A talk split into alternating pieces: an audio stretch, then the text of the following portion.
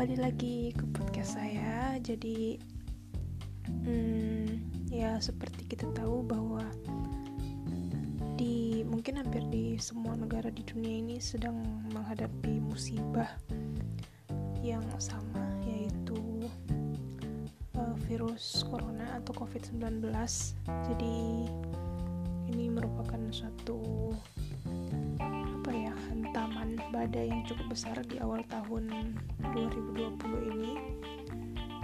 Um, yang sekarang juga Indonesia sedang struggle with that.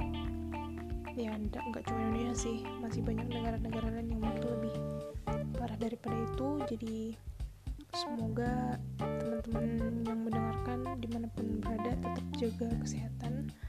Dan untuk sekarang uh, benar-benar dibutuhkan uh, apa ya kesadaran dari kita untuk bisa uh, sadar betul bahwa yang kita hadapi ini bukan sesuatu, sesuatu yang main-main ini adalah sesuatu yang serius. Jadi ya di ya semoga semuanya bisa dengan kesadarannya sendiri untuk mendengarkan mengikuti instruksi pemerintah untuk tinggal di rumah nggak ke mana-mana dulu nggak berkumpul dulu dalam sebentar waktu even kita nggak tahu ini sampai kapan but at least kita bisa ikut berkontribusi untuk mengurangi lah intinya mengurangi uh, penyebaran virus corona ini. Karena uh, seperti yang kita tahu bahwa uh, sumber daya tenaga kesehatan sumber daya fasilitas kita itu sangat terbatas uh, jadi sangat penting untuk untuk menurunkan uh, laju penyebaran dari virus ini gitu. Jadi untuk yang bisa tinggal di rumah uh, benar-benar diharapkan kontribusi untuk untuk tinggal di rumah aja. Hitung-hitung kan kapan lagi ya kita bisa di rumah aja gitu. Kerja kerja dari rumah atau olahraga atau kapan lagi kita bisa kumpul dengan keluarga. Soalnya di luar sana uh, itu sebuah hal yang perlu kita syukuri karena di luar sana seperti teman-teman kita yang dari kesehatan dari yang dokter uh, perawat pokoknya semua yang berkecimpung di kesehatan ataupun pekerjaan-pekerjaan lain yang memang nggak bisa stay at home misalnya polisi atau uh, teman-teman ojek online ataupun uh, yang lainnya yang yang yang yang memang tidak bisa bahwa mereka harus keluar untuk mencari nafkah jadi uh, kita lakukan lah yang sebisa mungkin yang bisa kita lakukan. Kita tinggal di rumah untuk mengurangi uh, penyebaran virus dan yang memang harus keluar untuk kerja. Ya semoga selalu dilimpahkan kesehatan lah. Tetap jaga kesehatan jaga kebersihan. Semoga ini cepat berakhir gitu. Semoga cepat selesai dan semuanya bisa kembali lagi ke situasi awal situasi normal. Jadi oke. Okay. um, kali ini saya mau bahas apa ya? Jadi oke okay, jadi saya juga sebenarnya sebelum memulai podcast ini saya udah memulai untuk uh, nulis di di blog ya di blogspot gitulah. Jadi hari ini saya mau bahas satu topik yang saya tulis di situ. Kenapa? Karena um, apa ya? Ada hal-hal yang menurut saya kalau ditulis itu kurang gimana ya? Kurang jelas bukan kurang jelas sih kayak maksudnya itu nggak tersampaikan. Sehingga mungkin kalau kalau dijelasin lewat podcast tuh lebih masuk gitu lebih bisa lebih bisa detail dibandingkan kalau nulis. Even kalau nulis paling cuman kita belajar saya saya sendiri belajar untuk merangkai kata uh, dalam bentuk tulisan biar orang orang-orang bisa paham. Tapi ada hal-hal yang mungkin agak susah untuk ditulis gitu. Ya bukan agak susah sih cuman kayak agak susah untuk menyampaikan maksudnya gitulah. Ya gitulah kira-kira. Jadi kali ini saya akan membahas salah satu topik dari blog saya seperti judul podcast kali ini itu semuanya semua hanya sebatas rencana. Jadi uh, in general bahwa dalam kehidupan kita sehari-hari ya kita pasti buat planning, buat perencanaan entah itu jangka pendek, jangka menengah, jangka panjang lima tahun ke depan, 10 tahun ke depan untuk es besok untuk hari ini kita selalu punya rencana. Dan uh, ya menurut saya sendiri itu penting sih penting untuk ya nggak nggak tahu juga sih ya.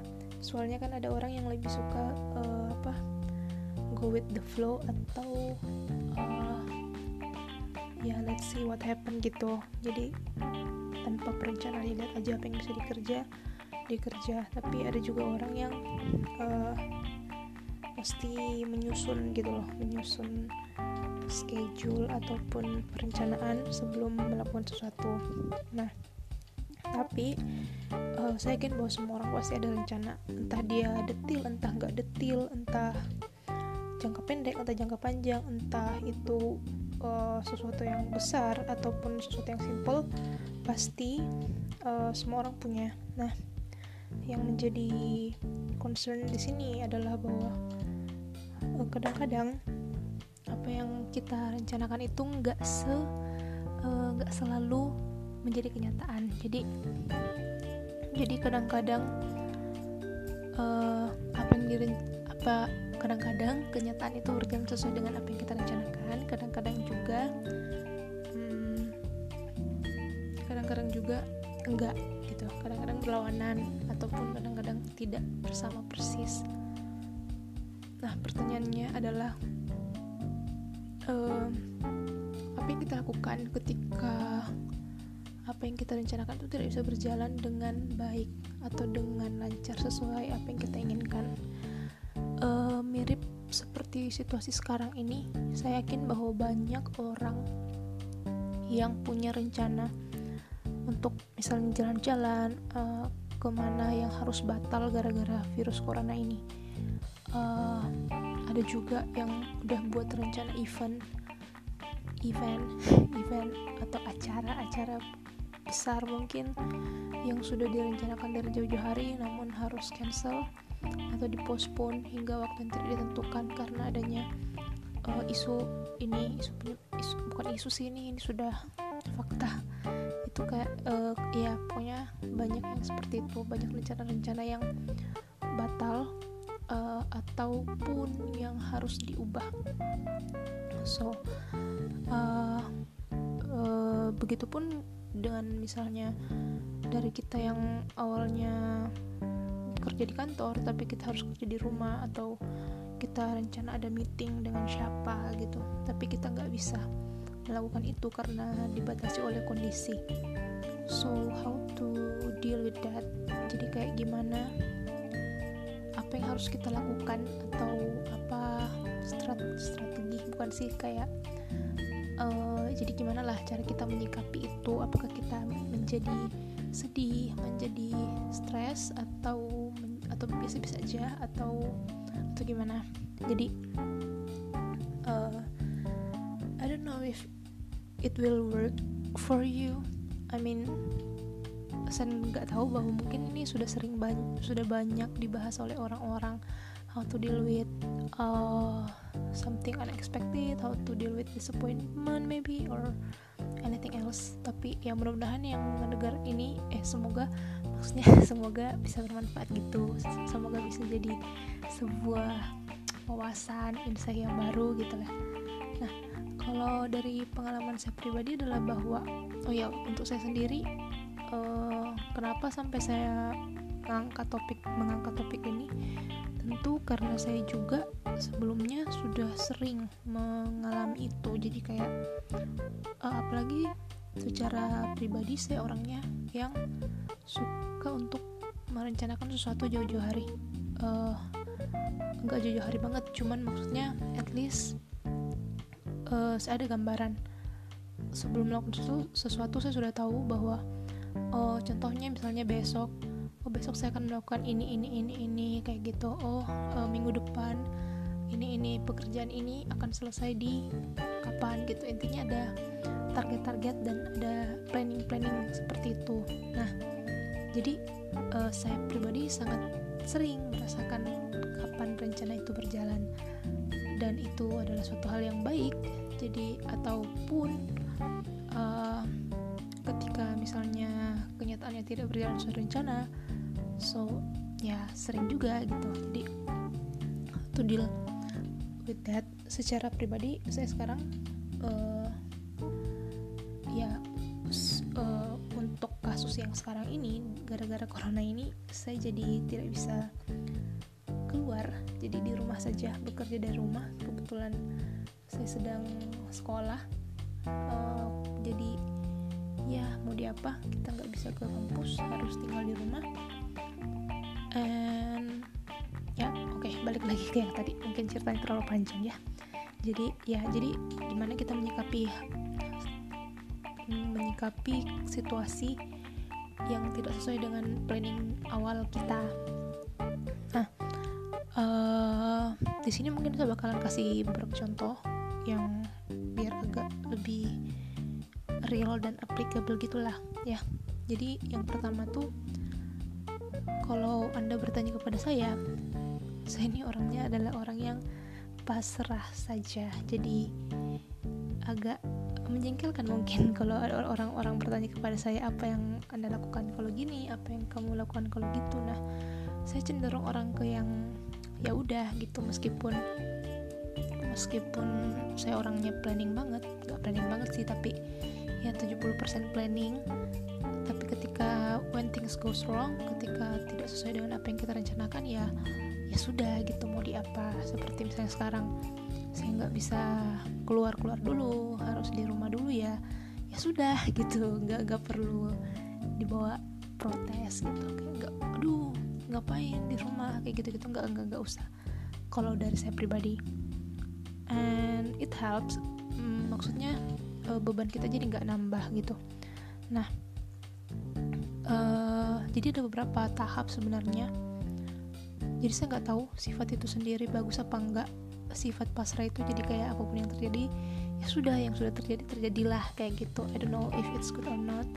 Uh, tapi uh, sebelum apa ya uh, ada tahap-tahap yang kalau di breakdown itu sebenarnya ada hal-hal kecil sebelum itu sebelum bisa sampai di tahap bahwa kita bisa menerima ya sudah kita bisa menerima dengan kondisi. Nah jadi yang pertama itu uh, menurut saya kita harus bisa menerima kondisi yang sekarang terjadi. Menerima dalam arti berdamai dengan semuanya dalam artian just accept with good understanding. Jadi menerima dengan paham betul gitu apa yang sedang terjadi. Karena uh, sekarang banyak sekali banyak sekali campaign banyak sekali um, kalau kita lihat di Instagram di postingan-postingan yang yang melihat bahwa kita harus berdamai dengan diri sendiri berdamai dengan orang lain berdamai dengan situasi. Dan itu suatu hal yang benar maksudnya itu adalah suatu hal yang baik untuk diaplikasikan ke diri kita sendiri sebagai bagian dari dari self improvement kita. Karena kecenderungan kita manusia pada umumnya itu uh, apa ya sulit untuk menerima gitu. Sulit untuk menerima.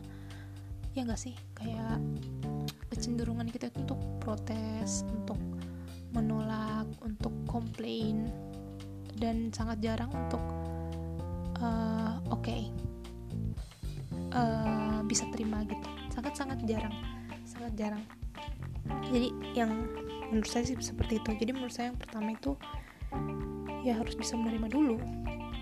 Kalau kita belum bisa menerima kita nggak akan bisa pah eh, kalau kita nggak bisa menerima kita nggak akan bisa uh, apa ya kita nggak akan bisa deal with with the disappointment misalnya setelah setelah rencana kita bisa batal kita jadi stres atau kita kecewa kita kalau kita nggak menerima bahwa itulah situasi yang terjadi itu akan akan menjadi lebih sulit menurut saya.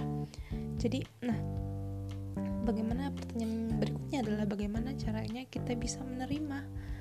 Nah menurut saya uh, menurut saya adalah kita bisa menerima kalau kita tahu apa yang sedang terjadi. Contoh misalnya sekarang ini corona ini yang sedang menyebar luas. Uh, mungkin beberapa orang merasa senewan atau merasa tidak nyaman untuk bekerja di rumah atau merasa tidak nyaman jika harus hanya berdiam di dalam rumah atau merasa tidak produktif jika harus bekerja dari rumah. Um, itu mungkin karena kita belum menerima kondisi yang terjadi sekarang ini jadi uh, jadi yang pertama sebelum menerima adalah kita harus tahu dulu misalnya sekarang seperti contoh yang tadi kita harus tahu dulu bahwa apa apa sih yang terjadi sekarang ini oh sekarang itu yang terjadi adalah penyebaran virus corona COVID-19. Nah, kita harus tahu dulu dong virus corona ini seserius apa sih sampai kita harus di rumah misalnya. Oh, penyebarannya seperti apa? Segenting apa kondisi sekarang sehingga pemerintah menyarankan kita untuk stay at home misalnya di rumah aja kayak gitu. Kalau kita sudah paham, oh kita menjadi tahu bahwa oh seserius ini toh si corona itu se separah ini sebenarnya bukan bukan membangun negativity tapi membangun pemahaman bahwa yang kita hadapi ini serius tanpa sama sekali menimbulkan kepanikan dalam diri kita. Jadi kayak kita hanya sekedar kita, bukan hanya sekedar kita paham betul dengan situasi yang terjadi sekarang. Jadi ketika kita tahu oh ternyata kalau kita misalnya keluar kita bisa menyebarkan virus yang akan berbahaya. Atau ketika kita keluar uh, kumpul dengan orang lain bertemu banyak orang kita nggak tahu mungkin kita bisa terinfeksi dan ketika misalnya kita pulang kita bisa menginfeksi orang-orang di rumah yang kita nggak tahu gitu. Virus itu kita nggak bisa lihat. Nah uh, sampai pada ketika kita sudah sampai pada pemahaman itu kita jadi bisa kita menjadi lebih bisa uh, menerima gitu. Oke okay, uh, situasi sekarang sedang begini meskipun mungkin ini tidak nyaman atau tidak sesuai dengan apa yang kita harapkan apa yang kita rencanakan but we have to accept it gitu. Jadi kita oke okay, kita bisa menerima uh, untuk bisa apa untuk bisa tinggal di rumah gitu. Untuk bisa menerima uh, ketidaksesuaian kondisi sekarang dengan apa yang sudah direncanakan sebelumnya. Uh, yang yang saya alami adalah bahwa ketika kita betul-betul bisa menerima dan memahami uh, it will be share it will be uh, apa ya it will be easier for us for the next gitu. Karena ya memang bagian tersulitnya itu adalah menerima itu. Kalau kita nggak bisa dan itu tidak sesimpel itu sih sebenarnya. Itu banyak pergolakan batin mungkin yang yang kita alami sebelum kita bisa menerima semua kondisi yang terjadi sekarang. Ya jadi begitulah kira-kira yang pertama. Selanjutnya adalah hmm, si the positive side. Jadi ya kita harus yakin percaya bahwa semua hal yang di, ada di dunia ini tuh pasti ada sisi baik dan sisi buruk sisi positif dan sisi negatifnya. Jadi yang mungkin yang sering kita lihat entah di sosial media atau di mana pun itu sisi negatif kita lihat orang upload misalnya barang apa kita malah menjadi nyinyir misalnya atau iri atau apa gitu. Ya yang lebih mudah muncul sih memang negativity karena lebih pintas dan pemikirannya lebih cepat mirip kayak lebih mudah menyalahkan orang lain daripada menyalahkan diri sendiri karena ya lebih gampang aja nunjuk gitu. Nah jadi penting untuk keep the positive vibe dalam situasi sekarang. Um, kita nggak let's say kita cari case lain. Misalnya waktu saya ya saya contoh diri saya sendiri. Waktu dulu uh, sarjana saya wisuda itu di tidak sesuai dengan harapan. Jadi agak lambat beberapa bulan telat beberapa bulan tapi tidak telat-telat amat. Ya intinya masih tepat waktu tapi tidak sesuai yang kita targetkan lah intinya seperti itu. Nah waktu itu um, ya positif set ya uh, sisi positif yang bisa saya dapat waktu itu adalah bahwa saya masih punya waktu lebih untuk menyelesaikan penelitian saya dengan lebih bagus maksudnya lebih baik data-datanya bisa lebih baik hasilnya dan masih ada waktu untuk mengeluar untuk menghasilkan uh, skripsi yang lebih baik dibandingkan dengan misalnya mungkin kalau saya memaksakan uh, hasilnya akan uh, diburu-buru gitu. Jadi ya asal mungkin asal dalam tanda kutip mungkin asal jadi. Tapi dengan adanya waktu itu saya masih bisa um, belajar lebih banyak lebih bisa melakukan kegiatan lain which is good gitu. Dan sekarang masih baik-baik aja meskipun misalnya waktu meskipun uh, wisuda saya di agak molor dari dibanding yang direncanakan tapi at the end ya saya baik-baik saja sekarang gitu setelah setelah melewati itu. Jadi sama seperti sekarang juga ya meskipun mungkin kita nggak nyaman dengan tinggal di rumah tapi banyaklah hal positif yang bisa kita lihat. Kita bisa misalnya berkumpul dengan keluarga kita bisa uh, apa ya kalau mungkin kalau masalah produktif tidak produktif itu kembali ke kita bagaimana untuk beradaptasi membiasakan diri tapi pasti bisa kok kalau misalnya diusahakan dan misalnya oh kita bisa uh, kapan lagi gitu kita bisa dapat privilege kerja di rumah misalnya. Kayak kerja di kantor aduh mau butuh waktu liburan ini misalnya nah sekarang kan ini mirip mirip ya mirip mirip liburan meskipun nggak bisa ke mana-mana tapi at least uh, we can organize our time gitu lebih fleksibel lah untuk mengatur waktu. Misalnya mau bangun agak lambat boleh pekerjaannya tak diselesaikan misalnya. Atau oh kita bisa beres-beres rumah misalnya rumahnya udah lama nggak diberesin misalnya. Atau bisa belajar sama anak-anak untuk yang sudah berkeluarga tetap bisa tetap juga bisa olahraga di rumah. Jadi semua ada positif side-nya kalau kita memang mau melihat itu dari sisi yang lain gitu. Dan yang lebih penting lagi adalah dengan adanya dengan kita di rumah kita bisa lebih banyak waktu untuk diri kita sendiri. Uh, mungkin selama ini kita terlalu sibuk di luar sana ke sana kemari berkumpul ketemu orang. Tapi ketika kita uh, berhenti ini seperti kita berhenti sejenak kita bisa lebih banyak merenungkan uh, kita lebih bisa merenungkan apa ya uh, ya apa pun itulah. Kita lebih banyak bisa merenung melihat sesuatu secara lebih clear melihat sesuatu dari sisi yang lain. Intinya kita lebih punya waktu untuk menelisik jauh, lebih jauh ke dalam. Dan juga kadang-kadang kita nggak tahu kalau kita nggak melaluinya. Jadi uh, misalnya stay at home.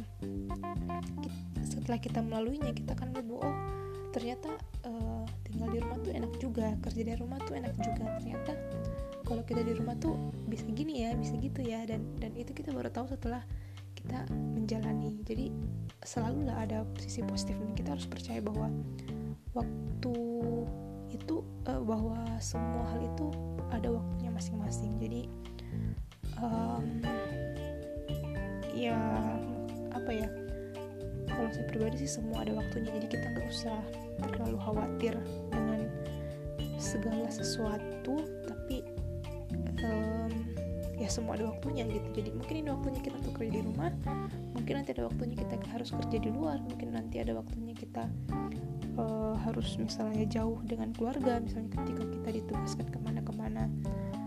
Ya dan inilah waktu kita untuk melakukan apa yang bisa kita lakukan selama kita di rumah.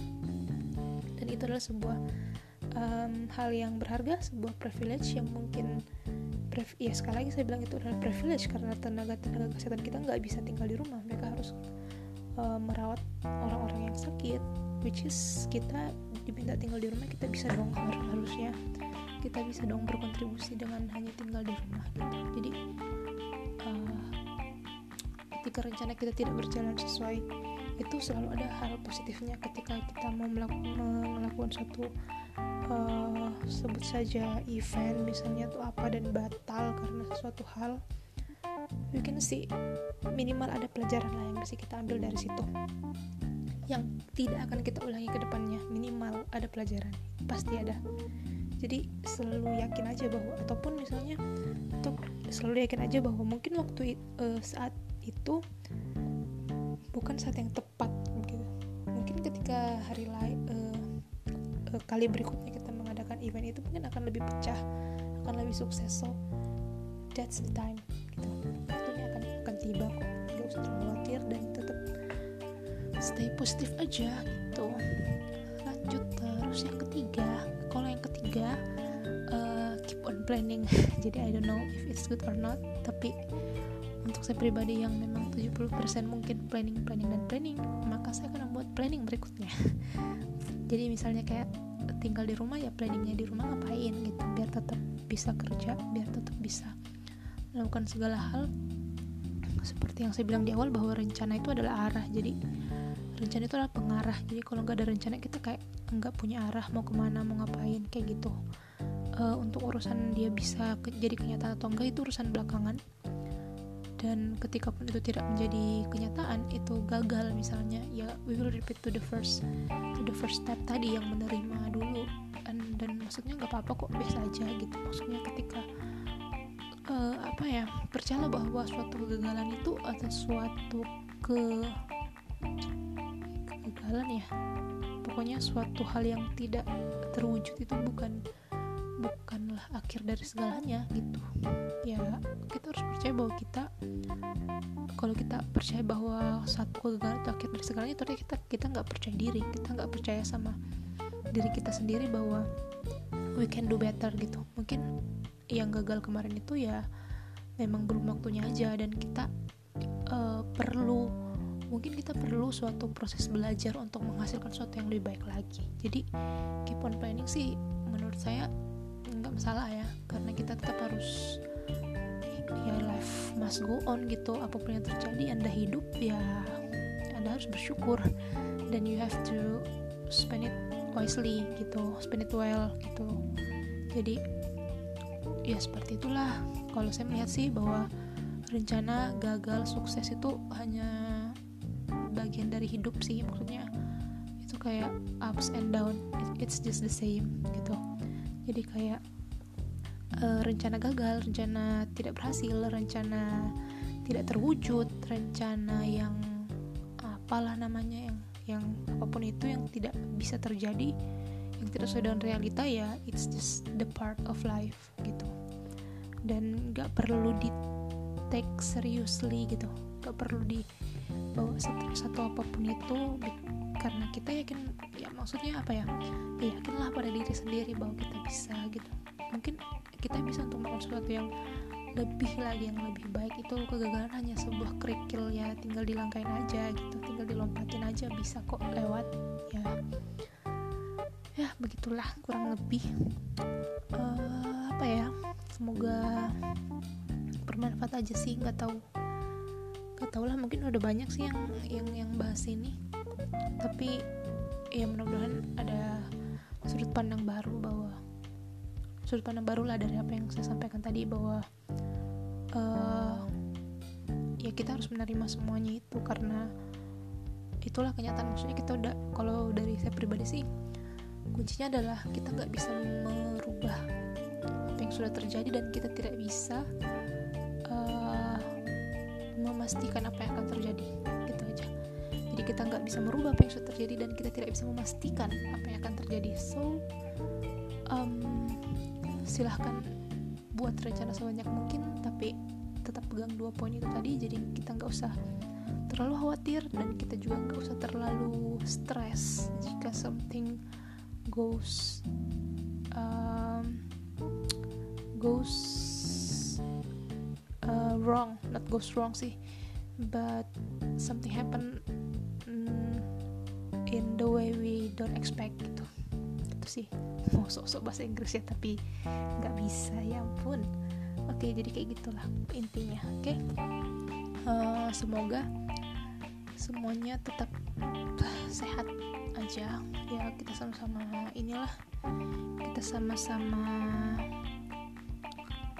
uh, berdoa tetap tetap sama-sama berusaha lah. We can fight this together kok iya saya lupa. Uh, talking about work from home atau stay at home ataupun yang lainnya intinya adalah kerja dari rumah. Untuk teman-teman yang kerja dari rumah uh, yang harus diingat adalah bahwa ini adalah satu ujian. Untuk kita ujian apa? Adalah ujian yang pertama adalah ujian responsibility. Ujian yang kedua adalah ujian kedisiplinan. Jadi uh, anggaplah ini sebagai suatu ujian untuk kita untuk menjadi untuk naik level lah untuk naik level menjadi orang yang lebih baik. Ketika kita kerja di rumah kita juga harus bisa pastikan bahwa kita tetap disiplin kita tetap produktif uh, kita tetap, tetap bertanggung jawab. Sehingga don't take this too hard maksudnya nggak usah merutuki apa yang sedang terjadi sekarang tapi lihatlah itu sebagai suatu tantangan sebagai suatu berkah mungkin. Karena selalu ada sisi positif oke okay? oke okay, oke okay, oke okay, guys. Jadi itu saja. Semoga kita semua bisa terus belajar menjadi lebih baik terus berusaha terus berkontribusi untuk semua orang. Oke okay, stay safe and bye bye